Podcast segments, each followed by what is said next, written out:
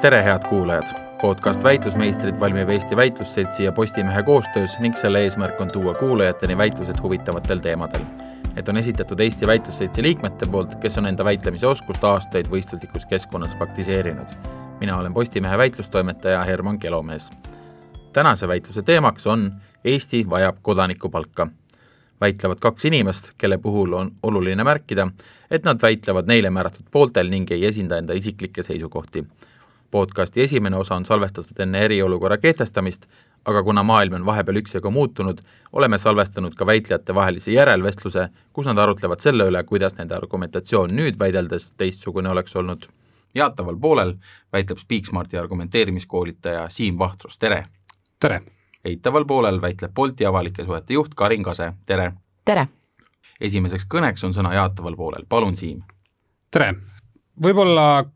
enne kui ma hakkan rääkima sellest, äh, mis on kodanikupalga juures äh, toredat ja head, peaks alustama sellest, mis asi see kodanikupalk üldse endast kujutab. keskne idee, mida ma siinkohal tahaks kaitsta, on see, et riik peaks tagama oma kodanikele sellise baasäraelamise,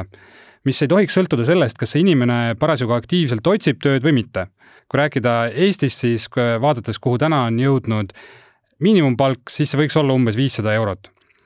ja oluline erinevus võib-olla tänaste sotsiaalkindlustussüsteemidega on just nimelt see, et inimene saaks selle palga sõltumata sellest, äh, kas ta otsib tööd või mitte, see on toetus, mida makstakse küsimusi küsimata.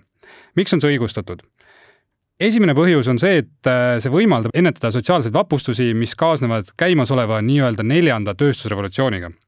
mida see neljas tööstusrevolutsioon endast äh, kujutab, see tähendab seda, et ähm, robotid, algoritmid ja üha targem tehisintellekt tegelikult võtab ära inimeste käest töökohad. ja otse loomulikult kõige suurema löögi all on niisugused kõige lihtsamad äh, töökohad. Äh,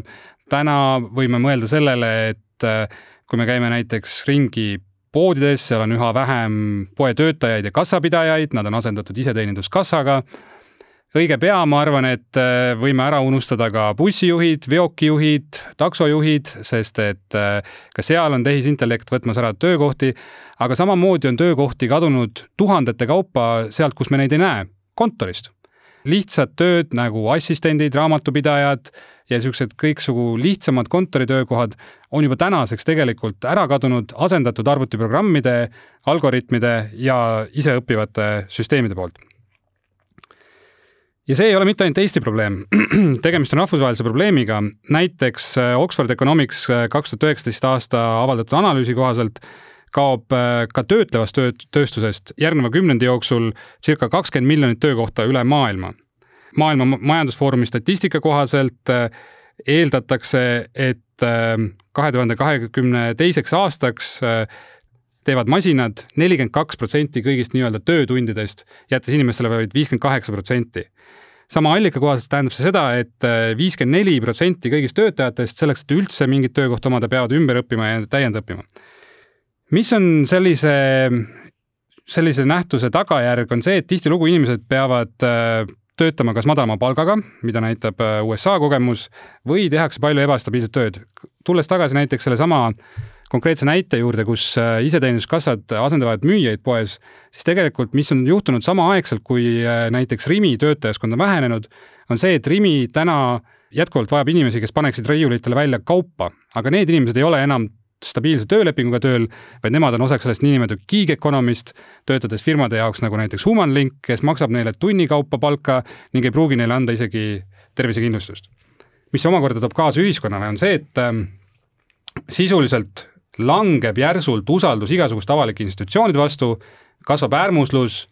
ja see on mingisugune nähtus, mida on näha ka täna Eestis, kui me mõtleme kõige käredama sõnalistele poliitikutele, kes täna populaarsed on, kelle seas on nad kõige rohkem populaarsed, need, kellel ei ole tööd, need, kes tunnevad ennast ilmajäetute ja mahajäetutena.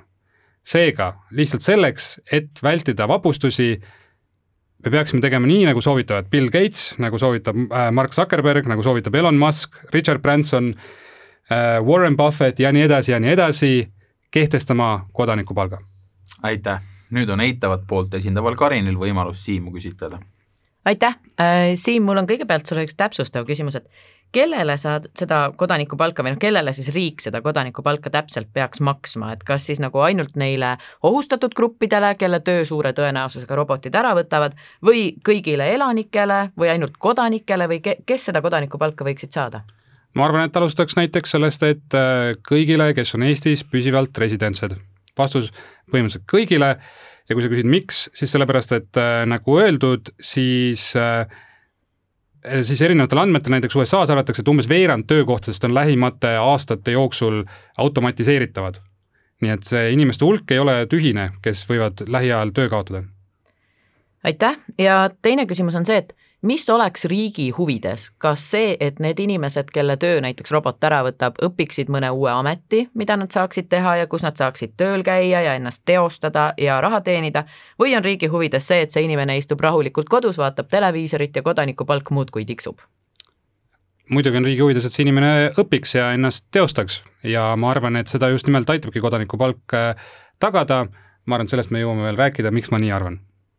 aitäh! Aitäh teile, nüüd on Karinil võimalus esitada eitava poole kõne. suur tänu, kõigepealt minu esimene väga suur probleem kodanikupalgaga on see, et see oleks kohutavalt kallis projekt. kui me mõtleme selle peale, et Eestis on noh, oletame umbes miljon kodanikku, siin muidugi tahaks seda maksta ka veel mittekodanikele ehk siis kõigile, kes Eestis elaks, siis kui me maksaksime igaühele kuus viissada eurot, nagu Siim pakub, siis kiire arvutus näitab, et see teeks umbes viissada miljonit eurot kuus ma nüüd ei ole mingi eriline matemaatik, aga ma tean, et Eesti riigieelarve on umbes niisugune üksteist koma kaheksa miljardit, mis siis teeb sisuliselt aasta peale umbes pool Eesti riigieelarvest. et ähm, kui me nüüd mõtleme nagu, me, me jaurame näiteks aastaid juba seda, et kaitsekulutused võiks olla kaks protsenti riigieelarvest ja see on juba praktiliselt ületamatu summa. ja kui me mõtleme, mida kaitsekulutuste eest saab, on ju, seal on tankid, seal on sõjavägi ja nii edasi, ja nüüd me räägime sellest, et me tahame pool Eesti riigieelarvet anda ära lihtsalt inimestele kellest osad võib-olla seda raha vajavad, võib-olla ka ei vaja, ma sellest räägin kohe täpsemalt edasi. ühesõnaga, ma ei saa päris hästi aru, kust see raha tuleb, mida me peame selleks tegema, et seda raha päriselt inimestele laiali jagada, nii et, et mul on tunne, et see lihtsalt nagu juba rahaliselt on täiesti võimatu projekt. teiseks meil on juba olemas toimiv sotsiaalsüsteem, mis asendab needsamad probleemid, mida Siim kirjeldas. meil on olemas miinimumpalk, mida saavad kõik inimesed, kes kuskil töötavad, inimesed, kes kuskil ei tööta, saavad äh, sotsiaaltoetusi, saavad töötu abiraha, saavad eri, erinevaid elatisrahasid. meil on olemas tulumaksuvaba miinimum, mis garanteerib selle, et äh, kõige vähem palka saav osa ühiskonnast ei peaks tegelikult seda raha riigile tagasi maksma, ehk siis, et meil tegelikult on juba olemas olemasolev selline pakett, mis tähendab seda, et inimesed, kes vajavad abi, saavad selle abi ja neile jääb see mingisugune raha kätte, mis on siis nagu inimväärseks eluks äh, minimaalselt vajalik. Ja, ja kui me nüüd räägime sellest, et noh, et võib-olla need toetusi tuleb sajast erinevast kohast taotleda, on ju, noh siis tegelikult e-Eestis nende asjade taotlemine ei ole ka nii hirmus keeruline, nii et, et see otseselt nagu ei murra kedagi ja see on pigem selline ühekordne, ühekordne liigutus. Nüüd minu kolmas kõige suurem probleem selle asjaga on see, et see on nii-öelda helikopteri raha, ehk siis, et me maksaksime seda absoluutselt kõigile ühe kulbiga, me maksaks seda rikastele inimestele, me maksaks seda vaestele inimestele, me maksaks seda töölkäijatele ja töötutele, mis tähendab seda, et tegelikult jõukatele inimestele ei ole sellest suurt midagi kasu, sellepärast et tal on suht ükskõik, kas tal see viissada eurot jääb kätte või ei jää kätte või noh, tal on nagu su suht savi, on ju, ja vaesed inimesed tegelikult ei saa abi, sellepärast et kuskilt peab see raha ju tulema, mille see riik pool riigieelarvest ära jagab, mis tähendab, et väga suure tõenäosusega me peame kas tõstma siis makse mingite teiste teiste asjade arvelt, mis tähendab seda, et lõpuks tegelikult need vaesed inimesed maksaksid kaudselt selle raha jälle käest ära, on ju. Nii et äh, minu seisukoht on, et kodanikupalk on rumal mõte, seda on proovitud Šveitsis, seda on proovitud Kanadas, Soome tegi mingisuguse väikese eksperimendi mis näitas seda, et äh, inimesed tegelikult tööd selle tulemusena ei hakanud leidma. et see, mida ma Siimult ka küsisin, et mida me tahame, et need kod-, need töötud inimesed siis teeksid, kelle töö on robot ära võtnud. kas me tahame, et see inimene õpiks ümber ja läheks tööle või me tahame, et see inimene istuks kodus. ja Soome näide ütles seda, et inimesed läksid küll natuke rõõmsamaks, kellele seda kodanikupalka maksi, maksti, no kellele ei meeldiks nagu tasuta raha, on ju. aga, aga need inimesed tegelikult ei olnud absoluutselt motiveeritud ümber õppima ja tööd leidma, nii et, et ma leian, et see kodanikupalk nendel põhjustel, et see on riigile kohutavalt kallis, see ei ole, ei kohtle kõiki võrdselt ja tegelikult need inimesed, kelle töö kaob, ei, ei ole motiveeritud endale uusi väljakutseid leidma, nendel põhjustel ma arvan, et see on rumal mõte, aitäh. aitäh, nüüd on Siimul võimalus Karini küsitlemiseks. ma küsiks võib-olla esiteks seda, et Karin, miks sa arvad, kui inimestel on võimalik äh, olla, võtta aega endale selleks, et ennast harida ja selle juures on tagatud see, et äh, nad saavad jätkuvalt mingit sissetulekut, miks nad ei peaks tahtma seda teha, miks inimesed ei peaks tahtma ennast teostada või, või miks peaks inimeste jaoks olema kõige kõrgem eneseteostus see nii-öelda kodus diivanil lesimine, mida sina arvad, et äh, juhtub? paraku kõikvõimalikud erinevad äh, inimkäitumise uuringud näitavad, et iga inimene on täpselt nii laisk, kui sa lased tal olla. ja kui riik nüüd võimaldab olla inimesel mugavalt ära elada niimoodi, et ta ei pea mitte midagi tegema, siis äh, miks ma üldse peaksin, selles mõttes, et kui ma näiteks, kui mul on valida, kas palju vaeva selleks, et õppida kas mingi uus amet või oskus või uus töö isegi, mida ma nagu tegelikult varem ei ole osanud teha ja saada selle eest nii-öelda miinimumpalka versus siis nagu see, et mul tegelikult on juba nii-öelda nii-öelda elamisväärne sissetulek iga kuu olemas, siis miks ma üldse peaksin tegelikult seda vaeva nägema mm? -hmm selge. ja teine asi, kui sa kurdad selle üle, et see süsteem on äh, väga kallis, kas, äh, kas sa oled nõus, et äh, riigil, kui ta kehtestab uusi varem mitte eksisteerinud toetusi, on õigus kehtestada ka uusi varem mitte eksisteerinud makse või muuta kehtivaid maksumäärasid? Absoluutselt, aga noh, seda ma oma kõnes ka lühidalt puudutasin, on ju, et, et selleks, et saada see raha kokku, mida me kodanikupalgana kõigile inimestele välja maksame, peaksime me selle raha eelnevalt kelleltki ära võtma. siin on nüüd nagu väga mitu erinevat võimalust, on ju, kas sa maksustad kõiki inimesi, ehk siis näiteks mingisuguste toodete tarbimist, mis tähendab seda, on ju, et maksavad nii vaesed kui rikkad ühtemoodi, teine võimalus on teha näiteks astmeline tulumaks, mille puhul rikkad inimesed maksavad rohkem raha ja vaesed inimesed maksavad vähem raha, et noh, tegelikult see, et noh, meil on nagu, oletame, et see raha on, on ju üks mingisugune anum, kus sul on, on, on kindel klaasitäis vett, on ju, noh, selge on see, et see, ega seda vett juurde ei tule, on ju, sa pead selle kuidagi valama ühest anumast teise niimoodi, et kõigil oleks võrdne ja kõigil oleks aus, on ju. et, et see, kui sa võtad maksudega kelleltki midagi ära, tähendab seda, et keegi teine midagi jälle kaotab, et ma saan aru, et sa pakud niisugust Robin Hoodi lahendust, on ju, et rikkad maksavad Täpselt natukene nii. selle arvelt, aga sellisel juhul ei ole jälle põhjendatud, et sa sellele rikkale inimesele annad siis need viissada eurot tagasi. et see, see on jälle nagu see, et sa ühe käega võtad ja teisega annad, eks ju aitäh, head väitlejad, nüüd on aeg vabas vormis dialoogiks mm. -hmm. ma alustaks võib-olla sellest, ähm, mis, äh, mis võib-olla tundub äh, pealtnäha kõige keerulisem ja kõige ületamatum takistus, äh, nimelt raha. siinkohal tuletaksin Karinile ja kõigile kuulajatele meelde, et tegelikult me ei ole pretsedenditus olukorras, ka esimene tööstusrevolutsioon tõi kaasa selle, et varasemad sotsiaalsed sidemed nõrgenesid ja Otto von Bismarcki Saksamaa pidi kehtestama terve rea varem täiesti mõeldamatuid riigipoolseid toetusi, nagu näiteks töövõimetuskindlustus, vanaduspension, et, et selles suhtes see, et täna sellist süsteemi ei eksisteeri ja täna selle jaoks ei ole raha, on täielik jama. Muidugi, maksustame rohkem rikkaid inimesi, kuna nagu välja toodud, siis maailmas laialdane probleem on see, et masinad asendavad inimtöö, maksustame pagana roboteid, kui vaja et selles suhtes äh, küsimus, et meil ei ole kuskilt raha võtta ja uus süsteem on kallis, see ei saa olla mingisugune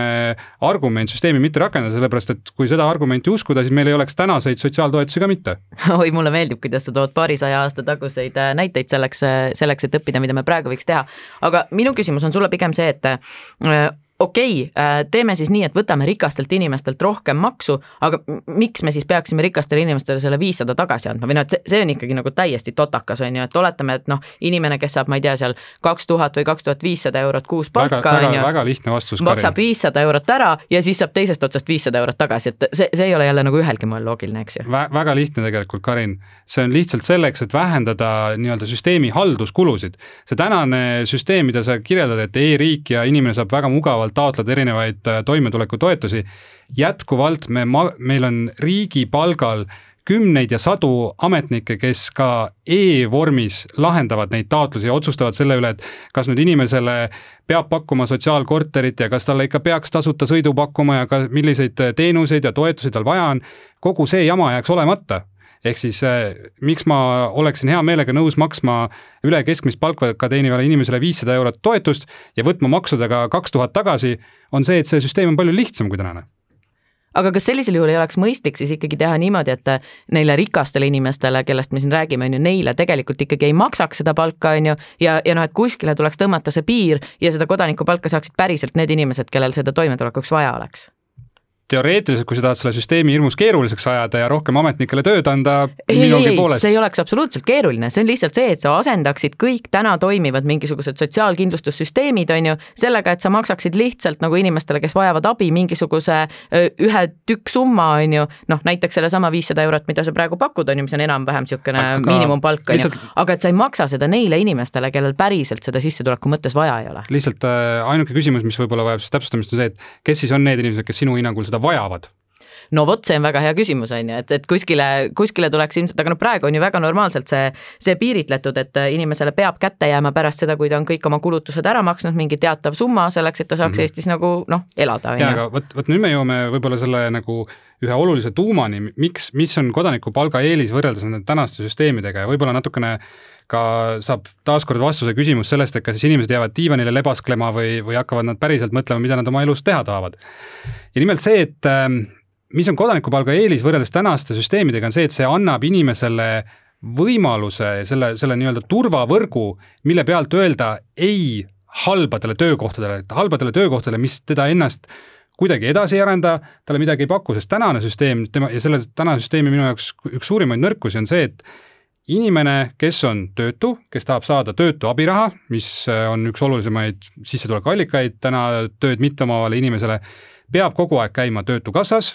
peab kogu aeg äh, täitma oma töö otsimiskava ja peab võtma vastu need töökohad, mida ametnik teisel pool lauda ütleb, et see on sulle sobiv töökoht, võta vastu või muidu me jätame su rahast ilma. no tegelikkuses, Siim, see täna ikkagi niimoodi ei toimi, on ju, kui sa vaatad, kui suur on praegu nõudlus Eestis tööjõuturul, ehk siis, et Ajutiselt. kui palju tegelikult otsitakse praegu just erinevaid oskustöölisi, siis tegelikult kõigil inimestel, kes vähegi viitsiks ja tahaks, on täna Eestis võimalik endale töö leida. omaette küsimus on see, kas nad on motiveeritud seda tegema, kas nad tunnevad, et see on töö, mida nad viitsivad ja tahavad teha ja mina väidan seda, et sellel hetkel, kui sa annad inimestele mingisuguse summa raha niimoodi, et nad saavad ilma igasuguste täiendavate pingutusteta mugavalt ära elada, siis tegelikult inimeste soov ja viitsimine nagu tööd leida väheneb oluliselt. no selle Töötukassa puhul, nagu sa räägid, on ju, et inimene peab käima ja ta võtma vastu selle töö, mis talle antakse, noh, see ei ole muidugi ka tõsi, on ju, et neid lugusid, kuidas inimesed on mm, järjest fiktiivsetel põhjustel erinevatest töökohtadest loobunud selleks, et lihtsalt jätkata jätkata töötu olema, olemist, ükskõik, kas nad siis saavad kuskilt äh, ümbrikupalka või neil on oma firma, millega nad makse ei maksa, aga nad lihtsalt on, on fiktiivsed töötud. selliseid asju on Eestis ka täna ja, ja, ja sellised ja, asjad kindlasti... jätkuvad tegelikult ka sellisel juhul, kui sa selle kodanikupalga kehtestad, on ju. ma, ma arvan, et loomulikult alati on mingisugune väike osa inimesi, kes äh, leiavad, et nende eneseteostus ja see, mida nad tahavad kõige rohkem elus teha, on diivanil olla ma olen nõus, et sellised inimesed on olemas ja need inimesed on olemas täna, need inimesed on olemas homme. ma arvan, et see väitlus ei peaks rääkima nendest, vaid väitlus peaks keskenduma inimestele, kes kui lõpeb ära praegune majandusbuum Eestis ja Eesti on tõepoolest täna erakordselt heas olukorras, sellepärast et täna veel kolitakse meile neid töökohti, mis Lääne-Euroopast kaovad varsti palgad, palkade tõustes oleme meie sealsamas, kus on suurem osa läänemaailmast, kus inimtöö on nii kallis, et see inimene tuleb vahetada roboti vastu ja nagu öeldud, kas või supermarketites meie ümber me juba näeme, et see toimub. inimtööjõud on muutunud vähemalt teatud harudes nii kalliks, et see inimene tuleb välja vahetada. aga sellisel juhul olekski ju absoluutselt kõige mõistlikum asi, need inimesed, kelle töökohad kaovad ära, riik peaks juba praegu hakkama suunama neid ümber õppele, vaatama, et ja, nad see, leiaksid see, töökoha, mida tulevikus on vaja. seda, sa, sa siinkohal eeldad seda, et inimene A või vabandust, et sa eeldad seda, et riik A teab, millised on need tuleviku töökohad, mida ma arvan, et riik tegelikult ei tea, ja B, et riik oma tarkuses leiab sellised töökohad, mis, mida on tulevikus vaja ja inimesed hirmsasti tahavad neid töökoht, nende töökohtade jaoks õppida. ma tooksin veel sisse selle aspekti, et sa kogu aeg räägid siin sellest, et inimene istub tiiva või noh, istub kodus ja siis ta ei tee tööd, ei tee tööd, aga Karin, kas me selles võime nõus olla, et tegelikult tänapäeva maailmas, tänapäeva majanduses on väga palju tööd, mida inimesed teevad, aga mille eest ei maksta palka võtame või näiteks koduperenaised, siin hiljaaegu USA-s kaks tuhat neliteist tehti üks uuring, kus äh, vaadati, mida teeb koduperenaine, milliseid erinevaid nii-öelda töörolle ta täidab oma elus. Äh, mis sa arvad, äh, mitu, mitu tuhat dollarit peaks ühele koduperenaisele maksma, kui see töö oleks nii-öelda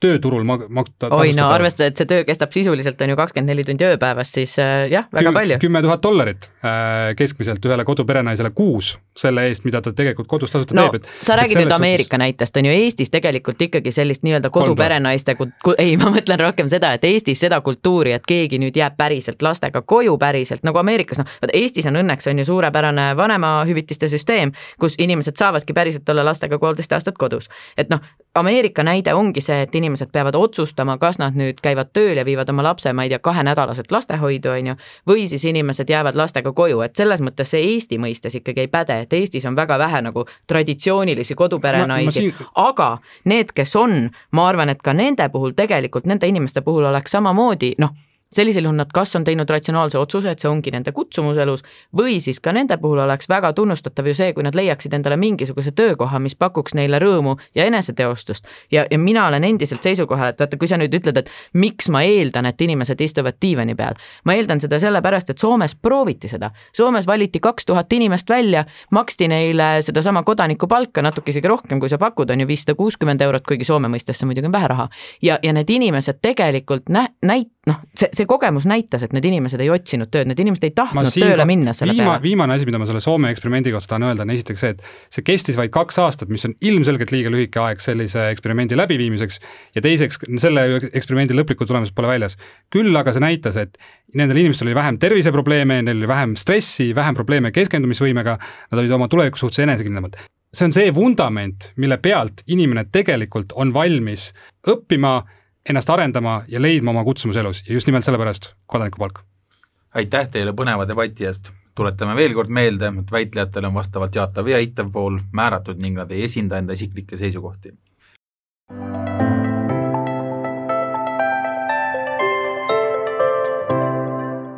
võrreldes selle ajaga, kui me sellest teemast eelmine kord rääkisime, Karin, mulle tundub, et see, mis on põhiliselt muutunud, on, on see, et kodanikupalk, siis vahepeal oli selline asi, millest räägiti kui mingist naljaasjast, mitte, mitte, mida mitte kunagi mitte mingil tingimustel päris maailmas ometigi ei rakendata. et, et mulle tundub, et mida see kriis on meile näidanud, on see, et vähemasti ajutise meetmena on mitmed riigid seda valmis ju tegelikult äh, katsetama, võtame kasvõi näiteks äh, Ameerika Ühendriigid, kus sisuliselt sellist helikopteriraha või äh, kodanikupalgalaadset toodet vähemalt paari kuu vältel plaanitakse täna ju rakendada ja, ja ma ise ka siin nüüd äh, istun mitte raadiostuudios, vaid, vaid kodus laua taga ja, ja, ja lugesin ja kuulasin need argumendid uuesti üle, mida me esitasime mingil hetkel. Ja, ja noh, tegelikult absoluutselt, et ma, ma nõustun rohkem kõvasti sinu äh, selle jutuga, mis sa rääkisid, kuidas see annaks inimestele ikkagi meelerahu julgust toime tulla, vähendaks muret majandusliku tuleviku pärast, sest noh, täna, kui me näeme, on ju, et, et seoses äh, uue reaalsusega töötute arv on hüppeliselt tõusnud, et mm, -hmm. et sellisel juhul äh, ütleme, et see, see raha tegelikult annaks kindlasti noh, ja, ja tegelikult ju uuringud näitavad ka, et äh, inimesed peamiselt muretsevad just majandusliku toimetuleku pärast lähitulevikus ja noh mm -hmm., see on ka mhm. igati põhjendatud, firmad lähevad pankrotti, inimesi koondatakse ja nii edasi, et, et see kindlasti annaks inimestele mingi sellise nagu meelerahu või, või nagu niisuguse mingisuguse kindluse tuleviku ees, mis äh, praegu on ikka päris palju puudu, on ju mm. -hmm. ja mulle tundub, et see kriis on vist näidanud ka seda, et mis peaks olema selle otsuse tegemise puhul niisugune üks oluline eeldus, on nimelt see, et neid töötuid on korraga hästi palju, on ju, sest et, et äh, üks, üks asi, mis selle kodanikupalga puhul on, on ju, ja mida me ka arutasime, on see, et kas see on nagu õiglane, on ju, et kas kõik ikka peaksid saama raha sellises olukorras, kus osad inimesed veel saavad nagu oma, oma tööga raha juurde teenida ja osad ei saa. aga noh, et, et jah, see, see olukord, kus äh, töötuid on noh, hetkel, hetkel veel õnneks vähe, aga võib-olla ei ole välistatud mingisugune väga must stsenaarium, kus meil korraga näiteks kolmandik riigist on tööta. et, äh, et siis võib-olla see õiglusküsimus on jätkuvalt küll üleval, aga, aga teistpidi jälle see nii-öelda halduskoormus, mis läheks selle peale, et läbi töötada kõiki neid äh, töötuhüvitistaotlusi, on ju. Et siis see, see käib üle mõistuse, mulle tundub, et ka Ameerika Ühendriikides see põhjus, miks ähm, miks seal see otsus juba ära tehti, oligi see, et äh, sealsed osariikide ja föderaalvalitsused lihtsalt ei, ei tule põhimõtteliselt, ei tuleks põhimõtteliselt toime sellega, kui inimesed hakkaksid niimoodi traditsioonilisel kombel taotlema endale mingisugust äh, toimetulekutoetust esitama mingeid dokumente selle kohta, et et millised on nende sissetulekud, miks need ära kadunud on, kuidagi tõestama hakkama ja siis ametnikud peaksid hakkama neid taotlusi seal käsitsi läbi töötama, et see lihtsalt halduskoormuse seisukohast ei ole lihtsalt nagu no, tehtav. samas Eestis tegelikult see ju praegu toimib, et hetkel ongi Töötukassal olemas meede, et kui sul on ettevõte, kus, mis vastab mingitele kindlatele kriteeriumitele, eks ju, et noh, käive on vähenenud X protsenti, nii mitu inimest äh, on nii palju palgast pidanud alla tulema ja nii edasi et, et siis tegelikult Töötukassa on ju, maksab sulle kinni mingi koguse mingite töötajate palka, et noh, see kaudselt põhimõtteliselt ju isegi ongi seesama asi, et mm, -hmm. et noh, kui, kui me nüüd räägime on ju sellest, et seda raha on, on endiselt üks pott ja et see raha nagu tuleb kuidagi liigutada inimesteni, et muidugi jah, see pigem äh, puudutab neid inimesi, kellel oli töö ja, ja kes äh, kes on siis nagu kuidagi pidanud kas siis palka vähendama või, või, või mingil teisel moel nagu töökoormust vähendama. aga, aga et sisuliselt nagu riik neile annab selle eest, et nad, et nad olid need inimesed nendes ettevõtetes on ju rahad. et mõnes nõus. mõttes see natuke sarnaneb sellele mehhanismile küll. ja no see erinevus on ju selles, et see Eesti mehhanism töötab sellisel juhul hästi, kui see nii-öelda tööandja veel alles on, on ju, et kui, või et kui tööandjal on ikkagi see perspektiiv, et ta tahab selle inimese hoida endal palgal, et, et võib-olla jah, kui me räägime sellisest kodanikupalgast kui püsivast nähtusest, mulle tundub, et siin oleks nagu kaks niisugust asja, mis maailmas peaks juhtuma selleks, et see oleks, oleks niimoodi kergesti õigustatav, selline kodanikupalga maksmine on see, et esiteks, et töökohad peaksid nagu kiiresti kaduma ja just nimelt sellise perspektiiviga, et tööandjale saadab inimese enda juurest ära, andmata talle mingit garantiid, et ta kunagi ka aja, aegade paranedes ta tagasi võtab, on ju, mis on see USA mudel, kus noh, tõenäoliselt muidugi, kui olukord paraneb, inimesed saavad jälle tagasi tööle. aga, aga mingit sellist garantiid tööandja täna neile, kes töötaja vallandanud on, ei anna, et ta nüüd ta kindlasti tagasi võtaks, on ju. aga, aga iseenesest äh, korra mul tekkis üks küsimus, millele ma võib-olla ise ei oska vastata, äkki, äkki saame koos mõelda, on see, et kas see, et äh, näiteks Eestis äh, ei ole sellist helikopteriraha pooldatud, vaid pigem leitakse, et peaks toetama ettevõtjaid ja USA-s pigem leitakse, et peaks to toetama tarbijaid, et kas see võib olla ka kuidagi tingitud sellest majanduse struktuurist ja sellest, kui tähtsal kohal on kogu majanduses tarbimine versus siis noh, ma ei tea, tootmine ja eksport näiteks jah, ma arvan küll, et tegelikult Eestis äh, pigem ikkagi ju on ettevõtlus, noh, selles mõttes, et meil, meil on ettevõtlus on ikkagi nagu niisugune üks väheseid asju, mis meil on, on ju, meil ei ole väga palju eksportida, eksportida maavarasid või, äh, või jumal teab, mida veel, et, et pigem ma arvan, see jah, on olnud küll nagu strateegiliselt selline mudel, mida riik on, on järjest nagu soodustanud, on ju, et noh, et ettevõtja on ikkagi mõnes mõttes ka täna Eestis selline püha lehm, keda mm, -hmm. keda, keda peab aitama, on ju, ja noh, okei okay,, siin on olnud, on ju, arutelusid erinevate ettevõtete üle, et mis on strateegiliselt olulised ettevõtted riigile ja mis ei ole. aga, aga noh mm -hmm., üleüldiselt küsimus, et kas me peaksime ettevõtjaid toetama, et noh, seda küsimust Eestis tegelikult täna ei ole, on ju, võrreldes paljude teiste riikidega, et Eestil on kuidagi nagu selge, et jah, muidugi ettevõtlus on, on selline valdkond, mida, mida peab aitama, on ju aga mm -hmm. muidugi ma, ma ei et... saa üle sellest ja, ja sul oli veel mingi mõte? see, see, see, mida ma mõtlesin, on, ma vist isegi mõtlesin pigem selle nurga alt rohkem, et Ameerika majandusest või noh, sellest nii-öelda raharing, raharinglusest selles riigis nagu nii-öelda eraisikute tarbimine moodustab lihtsalt nii suure osa, et kui tarbimine ära kukub, siis kogu ülejäänud majandus kukub kolinal kokku, et noh, meie siin äh, oleme noh, nii-öelda avatud majandusega riik, on ju et meil küll maavara ei ole, aga me ekspordime siin omajagu, on ju, teadmisi ja IT-tehnoloogiat ja, ja tegelikult ka ikkagi, kuigi meil maavarasid ei ole, siis meil nagu töötlev tööstus ei ole sugugi olematu, vaid ikkagi me äh, toodame siin masinaid ja palkmaju ja muud sellist, on ju, et võib-olla see on ka see asi, et meil, meil on nii-öelda, et see, kuidas meil äh, majanduses raha ringi käib äh,, käibki rohkem läbi nii-öelda eksporti vähem läbi tarbimise USA selle vastupidi ja see on ka see erinevus, miks Ameerikas mm. seda kodanikupalgalaadset asja äh, ollakse valmis välja maksma, et see tundub seal riigis mõistlik mõte ja samas meil tundub mõistlik nii-öelda toetada ettevõtjaid, tihtilugu just neid, kes tegelevad ekspordiga, on ju. ja, aga noh, ma tuleks nüüd selle teema juurde, millest meil väitluses oli palju juttu, et endiselt muidugi see on väga-väga palju raha ja arvestades, et riigil äh, praegu niikuinii noh, Eesti peab umbes miljard eurot vähemalt laenu võtma, on ju selleks, et aidata ettevõtteid välja -hmm. et töötutele abiraha maksta et, äh, et noh, sellest ma, seda ma nüüd üldse tegelikult ei kujutaks ette, et kust see raha ikkagi praegu võetakse seoses seoses sellega, et riigil on niikuinii on ju rahaliselt kitsas käes, et see, kui sa nagu praegu hakkaksid kõigile inimestele andma mingit konkreetset raha mul on tunne, et, et, et see on ikkagi nagu veel vähem võimalik, kui see oli noh, ütleme enne, kui riigil läks natuke paremini mm. -hmm. ei, see on muidugi hea küsimus, sellepärast et, et lõppeks on ju